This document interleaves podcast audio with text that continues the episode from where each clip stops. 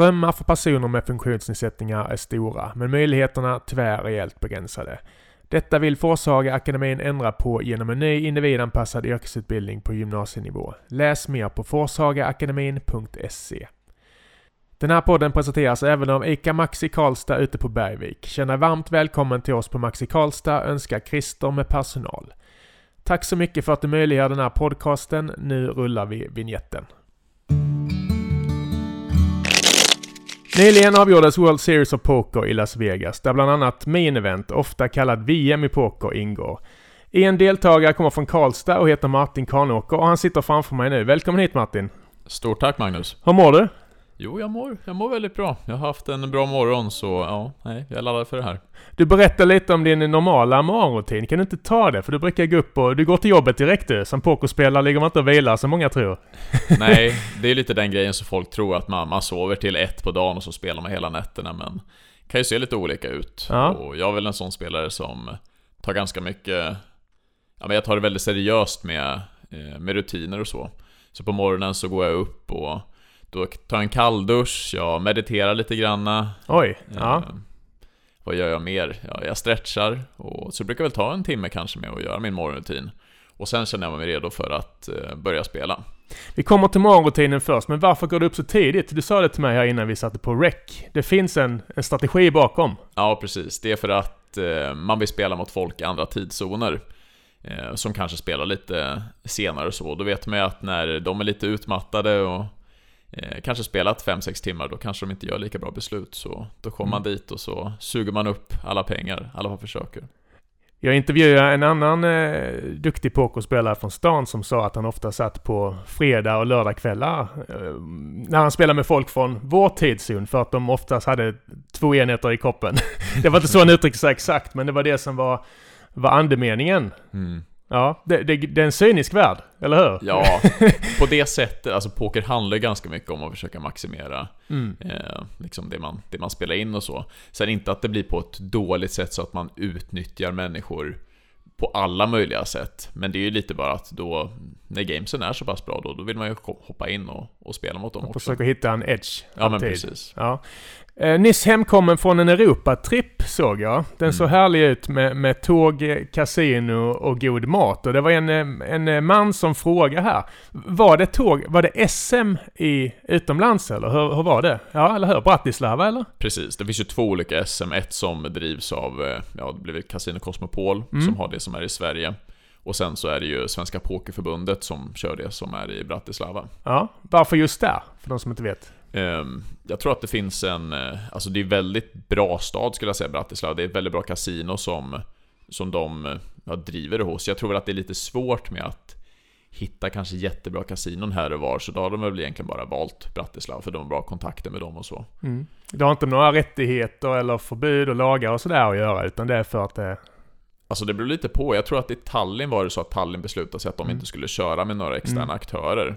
Och då flyttade man väl därifrån eh, och inte körde det, så då flyttade man till Bratislava. Mm. Eh, så det beror lite bara på vart man tror att folk vill, för i slutändan så är det också att folk ska åka dit. Precis. Logistikmässigt är det inte det bästa kanske. Nej. Hur många var det? Hur många svenskar var, hur många var det? Jag tror att vi blev 222 stycken spelare i main event, ja. men alla spelar inte main event. För i år så var det, det var väldigt mycket turneringar man kunde spela. Mm. Så jag tror väl säkert att vi kanske var en 400 450-500 kanske. Mm. Så det blir ganska många som åker ändå. Jag har gjort lite research innan du kom hit idag. Jag vet att du har lite SM-tecken på ditt CV. Men det var inte i år, eller hur? Eller hur gick det i år? Um, I år gick det inte jättebra. Jag lyckades komma femma i PLO-SM. Mm. Um, som kändes väldigt bra. Jag trodde faktiskt jag skulle ta hem det när vi satt på finalbordet. Ja. Uh, men utöver det så spelade väl inte överdrivet mycket. Spelade ganska mycket cash game. Och sen några turneringar, så turneringar gick det inte jättebra mm. överlag. Och PLO det är pot limit Omaha, eller hur? Precis, där man spelar med fyra kort istället. Precis. Ja, det är komplicerat. Vi ska inte gå in så komplicerat idag, men jag skulle mer... För jag, jag är ju 15 år äldre än vad du är. Och jag minns eh, pokerboomen runt 2003. Eh, en försäkringsman som passar nu heter Chris Moneymaker och vann ju main event. Jag tror han köpte en satellit för 100 dollar, vann en plats. Och så vann han 2,5 miljoner dollar. Och då, då exploderade det ju, för det var inte så många som, som, som spelade där jämfört med året efter. Jag antar att du var alldeles för, för ung för att minnas 2003, eller hur, hur, hur blev du intresserad av poker? Alltså jag minns det ju inte så. Jag blev ju intresserad mycket senare. Mm. Men kring den tiden när, när boomen var så började ju många, ja men personer som kanske storebröder som började spela eh, mm. till kompisar. Och då blev man lite intresserad över att se, ja men vad är det här egentligen? Och då började vi spela, exempelvis när vi åkte till bandymatcher, satt vi i bussen och spelade ja. eh, pokerturneringar. Vi satt i skolan och, och spelade. Texas Hold'em eller? Ja, precis. Ja. Eh, så på den vägen började väl hela intresset, så det följde ju med nästan ända från, från boomen när man liksom gick i mellanstadiet och, och högstadiet. Mm. Och sen när jag blev 18 så då tyckte jag fortfarande att det var, det var häftigt. Jag hade tittat på YouTube och mycket sånt där. Så då registrerade jag ett konto på Svenska Spel. Och ända sedan dess så har väl jag spelat i princip ja, några dagar i, i veckan och bara blivit mer och mer intresserad i och med att man har tittat på allting som hänt med World Series of Poker och det triggar ju gången att, att spela lite mer liksom för att det mm. är så kul att följa scenen. Du verkar vara en student av spelet, eller hur? Ja. Du har några böcker i bokhyllan? Det, det har jag. Sen är det inte så jättemycket böcker längre, men eh, jag har, jag har tror jag har 60-70 böcker hemma. Har du Super System med Doyle Brunson och så vidare? Ettan och tvåan har jag. Ettan och tvåan.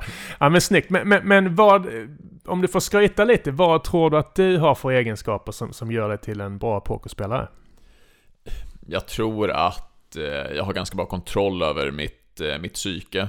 Jag tror att ganska många slutar spela poker för att man hamnar i en ja men det går lite dåligt för poker handlar ju inte bara om skicklighet utan det är också en, en hel del tur. Mm. Och då kan man ju hamna i de här faserna när det är så att man, man har lite mer otur än vanligt och då kanske folk skjuter bort sig helt och hållet och, och slutar med poker. Medan jag kanske har mycket bättre möjlighet att hantera min tilt som det heter. Mm. Eh, med att jag liksom inte blir arg på mig själv, jag lyckas kontrollera mina, mina känslor och så. Den tror jag är så avgörande på så många olika plan med att man kanske vågar gå ner i nivåer när det går lite kallt och eh, man vågar sluta ett spel eh, när det är så att det går väldigt dåligt eller också går väldigt bra. Så att man alltid försöker ta de här optimala besluten. Mm. Jag tror att det är den delen.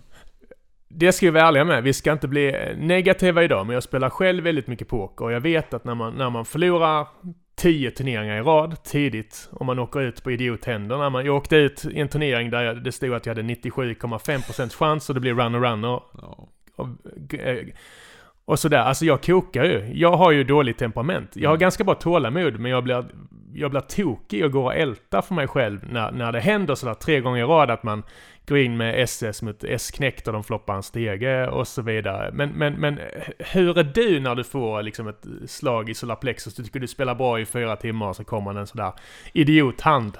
ja, Alltså folk kallar ju mig lite för robot när det kommer till den delen, mm. för jag har så lätt att skjuta av mig det, liksom det. Om det skulle hända så är det ja, jag kan inte göra så mycket utan vad kan jag ta liksom för bra beslut härnäst? Eh, okay. Så på det sättet så är det väl lite den här robotgrejen med att man faktiskt inte påverkas så mycket av det. Mm. Och det har, kommer väl lite med rutin och alltså också med att man har spelat så pass länge. Mm. Och man tar det så pass seriöst att om jag blir arg på mig själv och tappar kontrollen så kommer det påverka mitt spel. Mm. Så... Men sen kan det väl komma någon period där det är lite, fasen alltså. Hur kan jag förlora så här många? Och det, det är klart liksom, det händer, vi alla människor så... Ja men det är den där variansen eller vad man ska kalla det, mm. att det går, går ner länge och så lägger folk av och börjar misstro att man kan det här. Men, men eh, vad skulle du rekommendera till de som har haft en, en eh, dålig streak liksom, som har förlorat länge men som ändå vill satsa på pokern? Ska man ta en paus eller ska man ändra rutinerna eller ska man plugga eller vad, alltså, vad, vad hade du rekommenderat? Det är nog lite individuellt. Jag skulle nog säga att eh, det är nog bra att ta en break, för att jag tror att det är bra att liksom lufta sinnet lite med att eh, se lite mer utifrån. För när det är så att du är i spelet hela tiden och bara spelar, spelar, spelar och får den här oturen som återkommer, då är det inte alltid lätt liksom att se det mm. från liksom en, en bra sida. Så jag tror att man kan ta en break, eh, man kan gå ner lite i nivåer för att söka eh, självförtroende. För desto högre man spelar ofta så blir det lite tuffare också. Mm. Så då kan man få tillbaka självförtroendet där. Och sen tror jag att i dagens klimat i poker så är det viktigt att lära sig mycket eh, mycket kring psykologi, mycket kring strategi och så, för det är inte som det var kring boomen när man man behövde bara veta några små koncept så kunde man vinna hur mycket som helst. Jag önskar att jag var, kunde så pass mycket som jag kan nu, 2003. Och jag vet att det är väldigt många som sitter och tänker likadant. Det var ju mm. lekstuga för dem som var duktiga redan då. Jag tänker på svenskar som Bengt Sonnert till exempel, mm. som var väldigt duktig tidigt och, och så vidare. Du var ju tio år, så du, du hade inte en chans då. Men, men, men, men, det är intressant. Och som, du nämnde själv dina rutiner. Ehm, att du tar hand om dig, både fysiskt och, och, och, mentalt. Och det är som du sa, det är just för att få den här lilla fördelen. Känner du det när du sätter dig vid bordet sen? Att nu, nu har jag liksom nu är jag där, jag är i balans, jag har tränat både mentalt och fysiskt och så vidare. Absolut, alltså det, det är väldigt avgörande att känna liksom att man har det lugnet när man sätter sig och spelar. För annars kan det kännas som att du missar någonting på morgonen. Med att man liksom jagar det här lugnet istället. Men då har jag byggt upp det innan jag spelar, så när jag väl sätter mig så då har jag inte den här oron och jag känner att jag har liksom optimerat mig. Och jag tror att det är ganska många eh, idrottare och eh, och liksom väldigt duktiga idrottare som faktiskt gör så här att de, de primar upp sig så mycket de kan innan med att de, ja men de kanske talar gott om sig själva med att ja men idag kommer det gå bra på grund av det här och det här och eh, att man liksom ja, man vaknar till liv helt enkelt. Jag känner väldigt många som bara sätter sig och spelar och då har de det här ofta den här tilt, eh, att de, de tiltar och tappar kontrollen över sitt psyke och allting sånt där mm. också. Du får skicka lite yogaövningar till mig inför söndagspokern för min del, ja. som bor här i Svennebananland. Ja, precis. jag, jag, vill hoppa till, till main event-upplevelsen, för det är lite av själviska skäl, för det är en av mina eh, drömmar i livet att ställa upp där. För de som inte vet först och främst, vad, vad är VSUP, alltså World Series of Poker? För det är många turneringar. Berätta, vad, vad är liksom World Series of Poker? Hur stort är det? Ja, alltså det är ju, som du sa tidigare, det är ju VM i poker. Det är det största som man kan man spela i princip. Eh, och det är en, en stor pokerserie med massvis med olika event som man kan spela. Det är allt från att man spelar med två kort till att man spelar med, ja, med mörkpoker och det finns så många otroligt olika varianter av, mm. Eh, av poker. Eh, och det startades, tror jag, 1970 av massa av de här gamla pokerrävarna som... Binion och ja, men precis. grabbarna. Och det var rätt roligt på den tiden så var det ju så att när man skulle utse en vinnare så röstade de fram en vinnare. Det var inte så att man spelade om det. Nej. Ehm, så efter det så, efter det spelade man ju en pokerturnering och då tror jag inköpet alltid varit 10 000 dollar. Mm. Vilket såklart var mycket mer på den tiden. Precis. Och det är ju själva main eventet, så det är ju det största som man kan spela med, med flest deltagare. Mm. Vi nämnde ju pokerguden som tyvärr gick bort tidigare år. Doyle Brunson, han vann ju tidigt, två i rad tror jag med... Ja, han vann VM tidigt med 10-2. En skithand. Han blir ju hans hand som han, ja. E- en av de riktigt, riktigt eh, stora. Och som jag sa innan så, så eh, växte det ju sakta men säkert, men exploderade 2003. Och i år var det väl över 10 000 deltagare va? Var det inte det? Det blev det största någonsin. Ja. Så under dag två, vi som gick vidare till dag två, eh, vi eh, fick som en liten, eh, hur ska man säga, som ett, en liten mark som man kan ha som liksom kortskydd. Ja. Så lägger man den på kortet, då står det någonting så här, ja men att det var det största någonsin. Så jag tror ja. att de, de visste att det skulle bli det i alla fall. Men, men ta oss igenom lite, för det var inte meningen. Du skulle spela main event. Du kan väl berätta, vad tog dig till Vegas? Är det något du brukar göra eller var det du åker dit med ett kompisgäng eller hur brukar det se ut för dig? Ja, kortfattat så, så var jag i Thailand eh, under en tid och sen träffade jag eh, lite pokerspelare. Eh, och då sa de, ja men det är väl klart att du ska, du ska med till Vegas. Mm. Och då tänkte jag, ja men det, det har ju alltid varit en dröm sen, sen jag var liten. Och mm. då bestämde jag mig att, ja men absolut, jag, jag kör. Så åkte jag dit och bokade väl ungefär en, en månads tid som vi var där. Och sen så satt vi en kväll och då pratade de och frågade mig Ja men ska du inte spela event då? Nu är du ju ändå här. Och jag bara, mm. men det är så otroligt mycket pengar. Ska jag göra det? Och sen så, man vet aldrig liksom, man kanske inte kommer tillbaka. Så det är 10 000 dollar? Ja, precis. Så det är en bit över 100 000 kronor. Mm. Och, och det är du en lugn person. Jag har ingen aning, jag ska inte fråga om din bankrulle heller, men, men då är även du lite svettig när du lägger in 10 000 dollar där i... Ja, alltså det, det är ju såklart väldigt mycket pengar och mm. det är ju eh, absolut den största turneringen som jag någonsin spelat. Mm.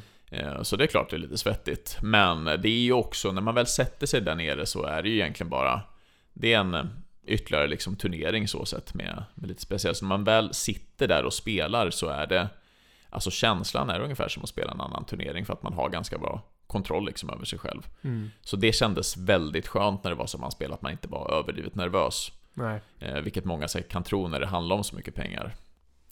Det finns ju otroligt, jag, jag följer ju VM hyfsat slaviskt. Jag tycker speciellt det är roligt de första dagarna. För då är det liksom ett minfält där de allra största blandas med med, med någon vanlig person på gatan som fått liksom inköpet av sin familj i, i 60-årspresent och så vidare. Det, det, är ett otroligt minfält. Hur hanterar du när du sätter dig vid bordet, bildar du, hur snabbt får du en uppfattning av vad det är för spelare och, och hur du ska anpassa dig efter dem?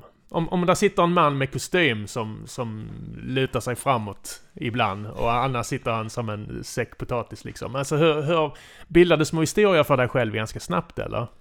Ja, så det här med analysen av de, de olika spelarna är ju ganska viktigt och framförallt under main event så du har ju ganska mycket tid att bilda en uppfattning om alla mm. eftersom du spelar med dem 12 timmar. Det är en bra struktur, man ja, hinner. Ja, det är en jättebra struktur så att du har ju tid. Så jag tror att under dag ett så satt jag med samma Ja men vi var samma nio killar, det var ingen som bustade turneringen eller så. Okej. Okay. Så, ja men då, då pratar man ju ganska mycket liksom, man, man snackar lite och har koll på hur folk spelar och allting, så då lär man sig väldigt enkelt hur, liksom vad det är för typ av spelare. Mm. Var det någon vid bordet som liksom drog iväg med, med stacken som, som växte snabbt? Eller var det någon profil man känner till? Eller var det liksom någon som dominerade vid bordet? Ehm, jag tror att jag hade störst stack efter eh, dag ett på mitt bord. Mm. Eh, och det var väl för att jag lyckades ha lite sådana händer. Men man, man börjar med 60 000 va? 60 000 ja, chips. Vad hade du efter dag ett? Jag tror jag hade 154 000 eller någonting sånt där. Ja. Och i och med att det inte var någon som bustade från vårt bord så är det ganska bra. Ja, verkligen.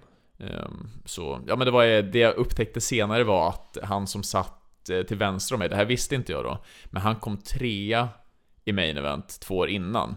Och jag märkte att han var bra. Vad heter han? Eh, han är Jack Oliver. Okej. Okay.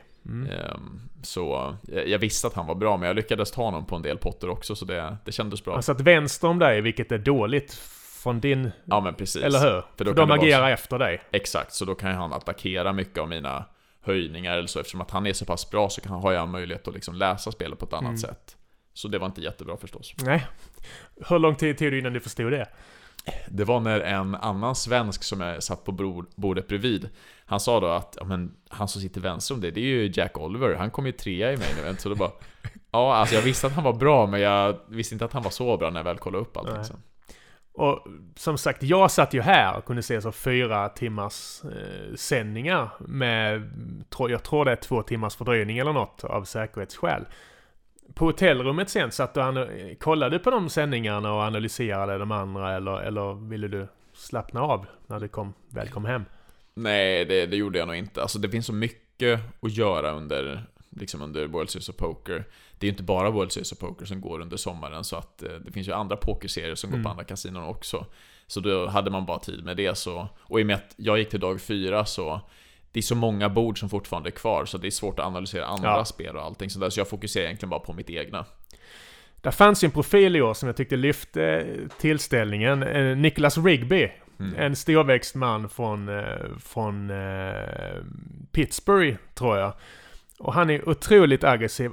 Jag kan ha faktafel men jag tror han hade 5 miljoner chips efter dag 3 kanske. Alltså mm, en jättestor stack. Sen rasade han supersnabbt. Den där aggressiva spelstilen som han har, han var ju inte rädd för något. Han vill ju spela väldigt stora potter. Mm. Min eh, favorit, Daniel Negrano och så vidare, han försöker ju hålla nere potterna till han har ett riktigt bra läge. Vad, vad har du själv för taktik?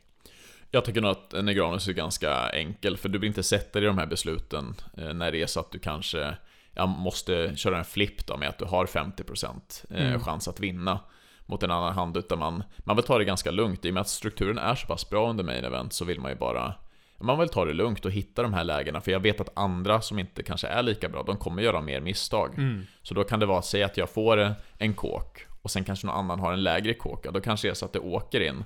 Men om jag hade haft en lägre kåken kanske jag hade spelat mycket mer försiktigt, för det ändå finns chansen att han har en högre kåk.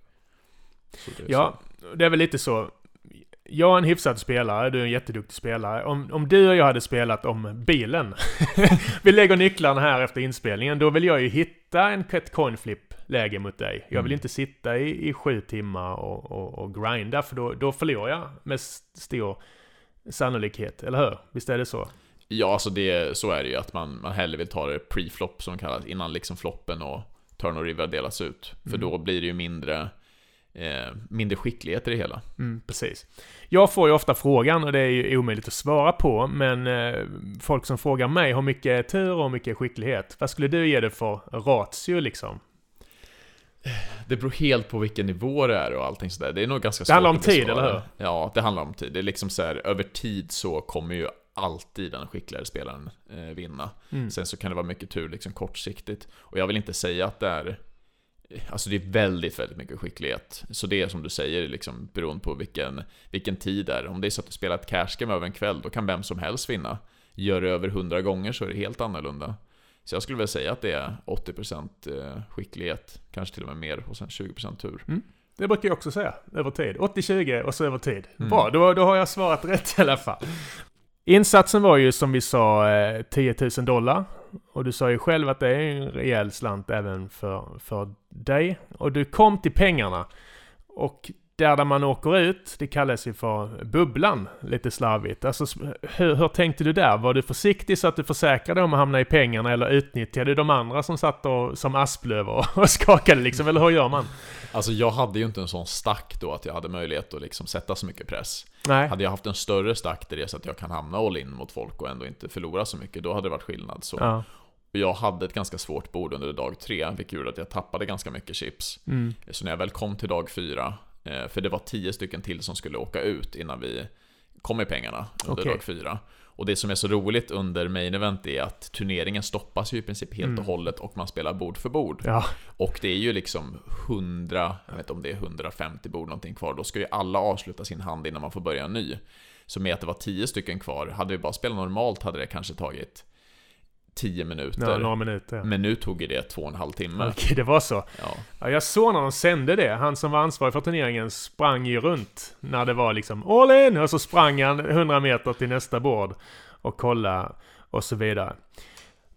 Hur långt kom du, vad hamnade du på placering till slut? Eh, på plats 1262 tror jag exakt. Ja. Minns du sista handen? Eller var det något speciellt? Eller är det en bad bit story du vill jag tror att många ser den som en bad beat. Jag tror att jag gjorde ett litet misstag i den sista handen när jag har analyserat den med mina, mina kompisar. Eh, enkelt sagt i alla fall, jag hade två kungar, vilket är den näst bästa handen i poker. Mm. Och jag höjde upp och sen var det en som synade och floppen kom 994. Och han checkade till mig, jag bettade och han slog om. Och då är det lite så jobbigt, ja han kanske har en nia men han kan ha mycket annat också. Och sen så bettade han på, ja jag synade och han bettade på turn och då tänkte jag han kan fortfarande ha någonting annat. Och då synade jag. Och sen på River så ställde han mig all in. Ja. Och här var det lite svårt för att han representerar ju att han har en nia. Eh, och det kan han mycket väl ha när det är så att han synade från den positionen också. Så, alltså typ S9 eller så? Ja, eller? att han har S9, dam 9, 10. Han kan ha väldigt, väldigt mycket för han hade ganska stor stack ja, också. Okay. Det var därför han kunde sätta press på mig. Han hade råd att se en flopp, helt enkelt. Ja, precis. precis. För det, liksom jag, jag gjorde det så pass billigt som man, som man brukar göra när man inte har så mycket marker. Nej. Eh, och sen så tittade jag lite, det var lite reads och allting så när jag, jag ville folda men handen är så pass stark så då kände jag liksom att jag tittade lite på hans puls, för det är också en liten grej med att man kan titta på pulsen och går den upp eller går ner så beror det lite på liksom, ja men är det så att den kvarstår, då kanske är att det är en, en bluff, att han mm. liksom är nervös. Men är det så att den går upp i början och sen går ner, då kanske lite mer är värde för att han lugnar ner sig. Mm. Ehm, så då synade jag och då hade han dam 9 tyvärr okay. och så åkte jag ut. Och den har väl folk sagt att ja, man kanske kan folda den och vissa säger nej men det går inte att göra så mycket. Nej, det är väl det. Jag, jag hade väl tänkt att det kanske skulle höjt mer innan mm. floppen. Men jag vet inte, jag vet inte alls hur det låg till. Ja, man gör, alltså, om man tänker ens turneringsstrategi så blir det ofta att man Ja, men man höjer till två big blinds ungefär. Okej. Okay. Eh, med den stack. Jag vill inte göra alldeles för tekniskt, men det är ungefär Nej. så man gör. Mm. Jag förstår. Det var inte mycket jag åt helt enkelt. Eh, och, och, och Tells nämnde du. Du pratar själv om eh, pulsen. Jag vet ju folk som kan liksom läsa eh, neckpuls. Alltså de ser liksom i nacken på folk eller halsen och sådär. Mm. Det, det, är ju en klassiker. Vad, vad, finns det mer för tells? Jag, jag, nämnde själv när jag var, i, jag, jag, var i London, vi pratade lite innan, och då satt det en gentleman som lutade sig framåt varenda gång. Då visste jag att han hade en bra hand, så då kunde jag lägga mig snabbt. Det är också en klassiker. Alltså mm. vad, vad, vad letar du själv efter vid bordet? Alltså det handlar lite om att förstå vad det är för typ av spelare man spelar med. Mm. Eh, märker man att det kanske är någon någon som är duktig så kommer den ju kunna balansera lite sina tells och allting sånt. Men märker du att det är någon som kanske är lite nybörjare, då brukar man ju säga att agerar du svagt Då är liksom, du stark. Ja, då är du stark. Och sen tvärtom, agerar du stark så är du svag. Mm. Eh, och det kan man applicera ganska mycket när man, när man spelar också. Så jag tror att den grejen är nog det viktigaste. Det kanske man kan tänka om det som man börjar med poker också, att man, man får försöka se lite vem det är man, man spelar, hur den spelaren tolkar en själv och hur man själv tolkar andra. Jag tror att man bara ska försöka lära sig vad det är för typ av ja, spelare man spelar mot. Det finns ju många som använder eh, speech play, tror jag de säger. Alltså som försöker prata fram eh, information. Vi nämnde Daniel Negrano som är en väldigt trevlig man som vill få alla att må bra och prata mycket och är glad och sådär. Men det är ju taktik det också. Mm. Eller hur? Han vill, folk vill ju att han ska vara kvar nästan. Ja, är det precis. inte så? Jo, så är det. Och, men han får ju fram information det sättet. Sen finns det ju en galning, Martin Kerbel. Kommer du ihåg han?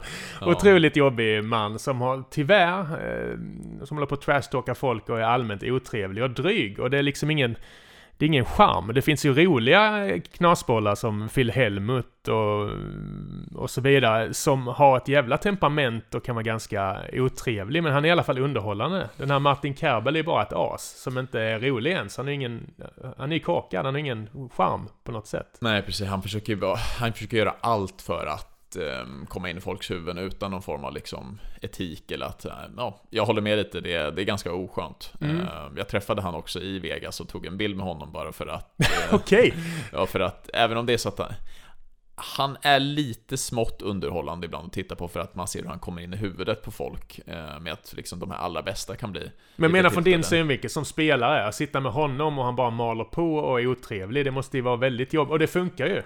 Ja, men det är precis, det blir lite, lite oetiskt med tanke på spelet liksom. Du vill ju att folk ska kunna kanske vara bekväma och kunna spela liksom sitt spel och sen sitter du liksom och bara maler in huvudet så att de inte kan spela spelet. Den delen tror jag är det är inte alls bra för poker. Däremot tror jag att speechplay i sig är väldigt bra för poker. Mm. För jag tror att liksom folk som tittar på det tycker att det är väldigt intressant. Jämfört med att man bara liksom sitter still och inte säger någonting exempelvis. Jag har ju, jag har ju sett sändningar från, från 70-talet. sitter där och röker och säger knappt någonting och så vidare. Det är helt värdelöst. Mm. De här som får tv-tid nu, de har ju lärt sig det. De är ju liksom underhållare på ett annat sätt mm. också. Och när man tittar på cash games och så vidare, då är det oftast de bjuder in det får gärna vara någon eh, rik affärsman från Macau och så är det något proffs, någon glad amatör och så... Det, det är väldigt casting när som man tittar på. Poker har ju blivit väldigt underhållande. Mm. Och de här kamerorna som de introducerade, jag vet inte riktigt, som man ser hål, alltså man ser korten. Hur mycket tror du det har betytt för, för underhållningsvärdet? Alltså det är väldigt mycket, för då kan du ju se lite hur folk agerar utifrån den handen de har. Så att du får liksom få se det i efterhand. Jag tror att folk drar sig lite för att titta om det så att du inte har all den här informationen. Ja. Så att hela produktionen har ju blivit så mycket bättre och, och pengar har ju kommit in liksom i poken också. Jag tror att det är väldigt mycket folk med, med pengar har ju börjat spela också. Så att alla de här, ja men liksom helheten har blivit mycket mer intressant. Mm. Eh, och jag tror att det, det krävdes i och med att man tappade så mycket folk efter boomen. För att folk insåg att ja, det kanske inte går att spela längre, eller att folk börjar spela datorspel eller någonting annat som var mer intressant. Mm. Så att jag tror väl att pokern är på en uppgång på, på många olika sätt. Eh, och sen tror jag väl att liksom det här med livespelare och sånt kommer alltid finnas kvar och liksom klubbar och så. Eh, men att det krävs mycket liksom i att man, man streamar på Twitch och att man, mm. man har de här sändningarna via PokerGo och sådär också. Du har själv ett gäng. Jag fick en fin eh, t-shirt av dig här innan. Berätta om ert gäng. Du gör ju själv podcaster och så vidare. Det måste göra lite reklam för nu. Okej då. För de som är intresserade. Ja men precis. Jag tror att det kan vara väldigt bra för de som faktiskt eh, intresserar sig för poker och så, så är ju vi... Ja, vi heter Valuetown. Mm. Har väl funnits i fyra år. Eh, pysslar med mycket ja, men poker och det kan vara lite betting och allt sånt där också, men mestadels poker i och med att vi är tre stycken pokerspelare. Och jag tror att, ja men, vi närmar oss mycket den här amatörspelaren, de som vill lära sig poker. Och inte de här liksom high stakes-spelarna och sånt som vi spelar jättehögt, utan vi, vi streamar lite på Twitch. Eh, där det är så att vi visar våra turneringar och folk kommer in och pratar lite i chatten och vi har en podcast som som du sa tidigare, mm. som heter Pokerpasset med VT, där vi går igenom allting mellan himmel och jord om, om poker och sådär. Så att vi försöker vara den här, eh, den här lilla communityn som folk, liksom alla är välkomna i. Eh, när folk vill lära sig poker och ja, hur det är egentligen att vara som pokerspelare. Och det är inte bara Karlstad-killar som, Karlstad-gäng som driver det här, eller vad är det för folk som är med? Eh, det är en som är från Umeå, Eh, och det är en som är från eh, Tyresö och sen så är det jag då. Vi möttes på eh, Poker-SM 2019 mm. eh, och då kom vi på den här idén att vi vill göra någonting mer än att bara spela. Mm. Det känns lite som att skjuta sig själv i foten, att man vill lära andra att spela poker. Ungefär ja. ja. Lite så är det, eller hur tänker ni där? Um, Alltså man öppnar ju upp sitt spel så jättemycket så folk brukar ju skämta med att ja, men en i våran community, han som streamar, han är super tight för folk ser ju liksom vilka händer ja. han lägger och allt sånt där och Så kanske de kallar mig lite galning när de ser mig spela lite ibland och sådär så ja. att Men eh, Vi vill ju bidra till att pokern i Sverige blir mycket större. Jag tror att det gynnar alla och vi vill få in mer folk som tycker det är kul och bara att liksom hela communityn blir mycket, mycket bättre och mycket större. För jag vill att folk ska förstå att poker är inte bara det här med att man sitter uppe hela nätterna och, och spelar och inte gör någonting med sitt liv, utan det kan vara mycket, mycket mer än så. Det är ju mm. en gemenskap och att liksom vänner kommer ihop och, och spelar liksom poker tillsammans och, eh, och sen liksom att poker bara är Ja, jag tycker att det är mer än eh, att man liksom bara nu tappade jag bort mig. Nej men det är som ett community, ja, eller exakt. Hur? Gemenskap och så vidare också. Ja, precis. men det, det, det är det viktigaste. Jag vill liksom inte att eh, pokern bara ska vara för de, de rikaste och de här som liksom får tillgång till, till games där, eh, ja men man, man spelar med hundratusentals kronor. Utan mm. det ska vara liksom för den, den småspelaren också. Det finns mycket negativt. Mycket negativa åsikter om poker och pokerspelare och så vidare. Så det är ju fint att du är med där och förändrar. Menar, du, du har ju till och med duschat idag och mediterat och, ja, och så vidare. Eh, eller hur? Det, det, jag tycker det är dags att lyfta. Det finns ju allvarliga frågor också. Jag har ju pratat med, med folk som jobbar med spelmissbruk och så vidare. Det kan jag också gå tillbaka och lyssna på ifall det är någon som, som känner att de har, har hamnat illa till. Och det är också en sån fråga som, som jag tror många ställer sig. För du är student mm. också. Men du, du lever på pokern. Ja, alltså det är ju kombinerat med, det är med studierna sådär. Jag har själv, eh, verkligen inte i, i, samma utsträckning, men jag har själv liksom levt på poker över sommarlov och så vidare när jag var student. Jag minns att jag tyckte det var ganska nu hade jag ju ingen bankrulle, men då förlorar man de där tusenlapparna så var det ju tufft liksom. Men, men, men för att liksom få harmoni Bankrulle pratar man ofta om inom pokern till exempel. Det, kan ju vara en positiv, viktig sak att ta med de som vill börja spela. Att man ska alltid tänka på, på bankrullen. Förklara vad bankrulle är för de oinvigda.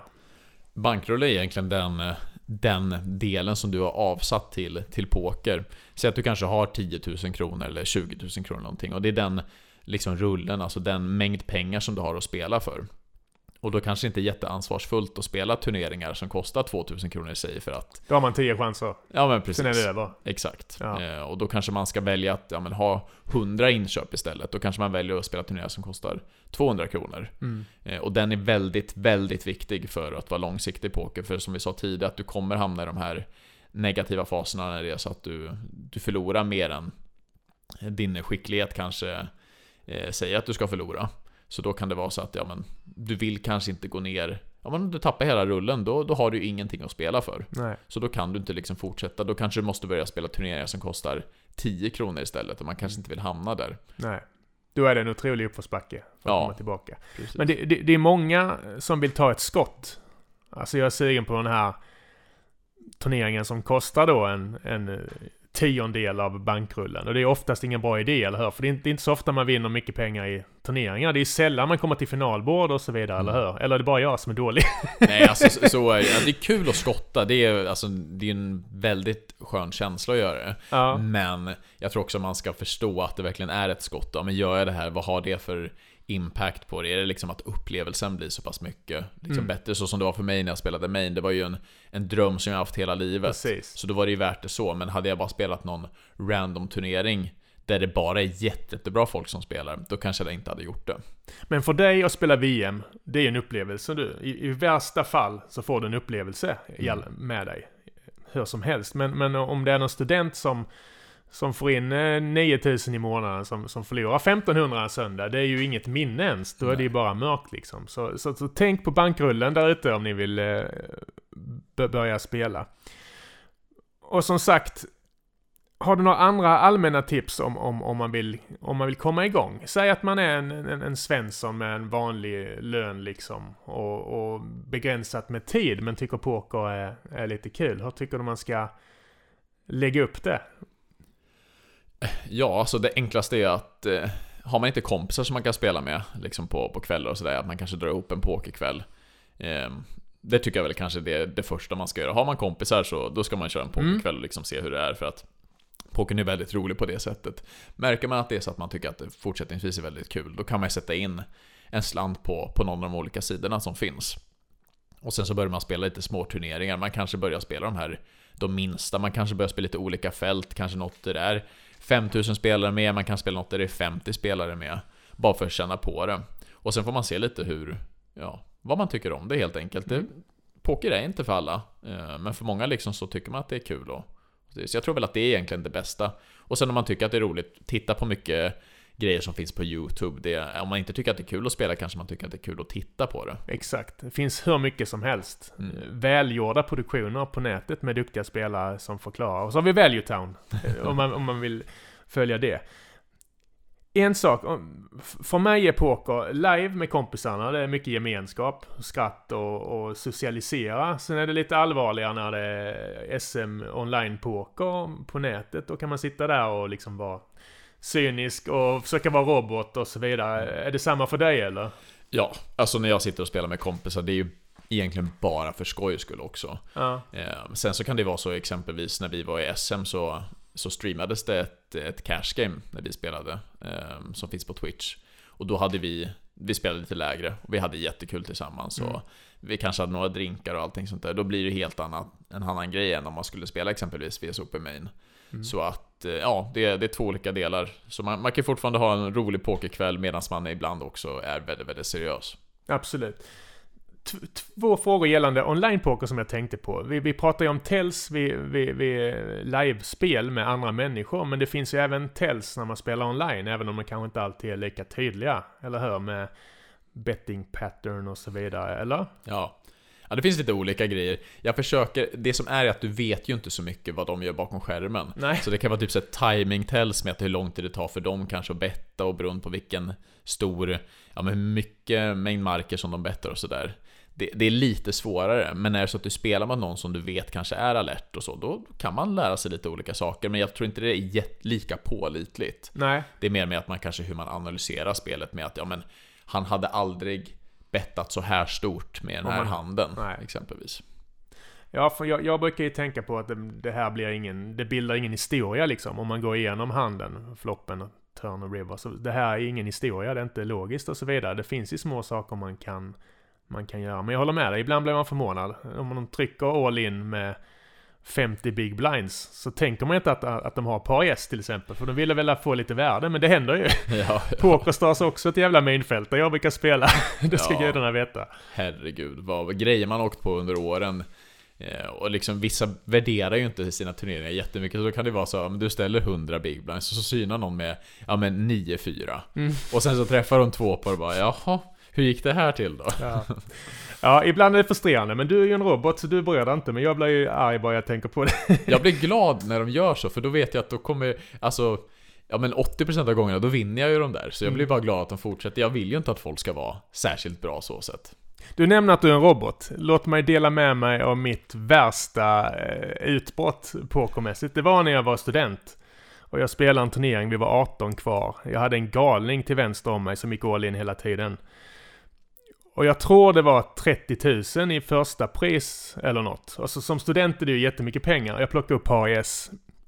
Jag höjer lite försiktigt för att kittla honom lite och han trycker all in och jag blixtsynar med, med par S. Vi hade ungefär lika mycket chips. Han har S-knäckt. Floppar stegen. Jag minns att jag hade jag hade pokerchips på bordet framför mig från kvällen innan när vi spelat med kompisar och jag slängde dem. Jag fick plocka chips i flera, det låg i hela lägenheten. Sen länge. Har, har du någon sån där riktig bad beat story som du aldrig kommer glömma? Nu påverkas inte du så mycket av det sa du men... Någon bad beat story jag aldrig kommer glömma? Hmm. Alltså nu... Jag minns inte så jättemycket från turneringar och sånt där förut. Alltså i och med att jag inte reagerat så där starkt som du har gjort, tror inte att, så tror jag inte att jag har så många sådana historier. Så, men jag vet ju sätt som man har åkt, åkt ut på i vissa turneringar när det är så att man har fått in det. Triss mot triss alltså? Ja, i princip. Och det har varit gånger där det är så att man, man tänker man har låst handen helt och hållet och de kanske inte kan komma till river med den där handen och så lyckas de ändå. Mm. Och så blir det så bara, ja den här spot, oh, jag har en jättebra historia nu, mm. nu ska du få höra. Den här är faktiskt, den här är riktigt bra. Jag var på Malta förra året och spelade en turnering, Israeliska pokermästerskapen. Ja. Och eh, då var vi fyra stycken kvar. Jag hade sju big blinds ungefär, och det var en annan som satt eh, ja, på den här knappen då och hade åtta big blinds. Mm. Och han höjde upp och sen så foldade small blind och jag tittade ner på två stycken S. Mm. Och jag var, blev lite, lite så här småexalterad och var lite, jag var lite trött och allting också, så då... då du var sugen på action? Ja, men precis. Så det jag gjorde var då att jag ställde in alla mina marker och sa I have aces. Och det jag, inte, det jag inte insåg då, det var att han hade ju bara höjt. Jag trodde att han hade gått all in. Så han, hade ju fortfarande, han skulle fortfarande agera. Ja. Eh, så då stekte han i, han stekte nog i två minuter innan han, ja, ja, alltså säger du så? Skojar du bara med mig allting? Och så stekte han till slut och sen bara, men jag, jag, kan inte lägga mig, du kanske skojar med mig. Så slängde han upp två kungar. Mm. Och ja, på floppen var det liksom blankt, då, då vann jag fortfarande. På turn vann jag och sen på river kom det en kung. Och den var säkert värd, om man bara tänker i värdet, jag fick 4500 euro då. Ja. Men eh, jag tror säkert jag hade kunnat gått och vunnit den där turneringen, så den var ju säkert värd 4000 euro, 5000 euro någonting ja, sånt där också. Så det var en, det var en riktig bad beat, men jag hade sprungit ganska bra i den turneringen, så då blev det lite så att jag bara, jag fick skratta av med det liksom. Ja. Jag kunde inte göra så mycket. Nej. Och jag förstår honom också. Det är inte normalt agerande från din sida, eller hur? Nej, jag nej trodde, precis. Han kanske inte riktigt trodde att, att du talar sanning. Det framtida mål och turneringar, vad har du för planer framöver? Um, nu kommer jag att resa till Malta och bo där eh, under ungefär sex månaders tid. Oj. Ja. Ehm, och då kommer jag försöka spela ganska många serier som går där. Jag tror att de har sex stycken per år. Ehm, så det är det. Sen kommer jag åka till ehm, The Festival Series som går i Bratislava. Mm. 27 november. Och det går massa kval på internet också, så är det så att man känner att man inte har råd att lägga alla de pengarna så kan man också kvala in. Så det är det nästa. Och sen så kommer jag förstås spela väldigt mycket på nätet också. Mm. Jättekul att ha det här Martin. Tack för fint samtal. Jag hoppas att eh, folk blir intresserade men även tar till sig vad man ska tänka på för att inte hamna snett och så vidare. Vi har väl täckt in det mesta? Ja, det tror jag. Tack så mycket för att jag fick vara här och jag tror väl sista bara man kan göra det här med, som du också nämnde, med spelmissbruk. Det är någonting som jag tror alla tar väldigt, väldigt allvarligt också. Det är ett väldigt allvarligt ämne. Så är det så att man känner att man har problem med spelande så ska man alltid söka hjälp. Och det finns ju väldigt bra delar som stödlinjen.se och liknande. Tusen tack Martin. Ha det bra. Ja, tack själv. Ha det bra.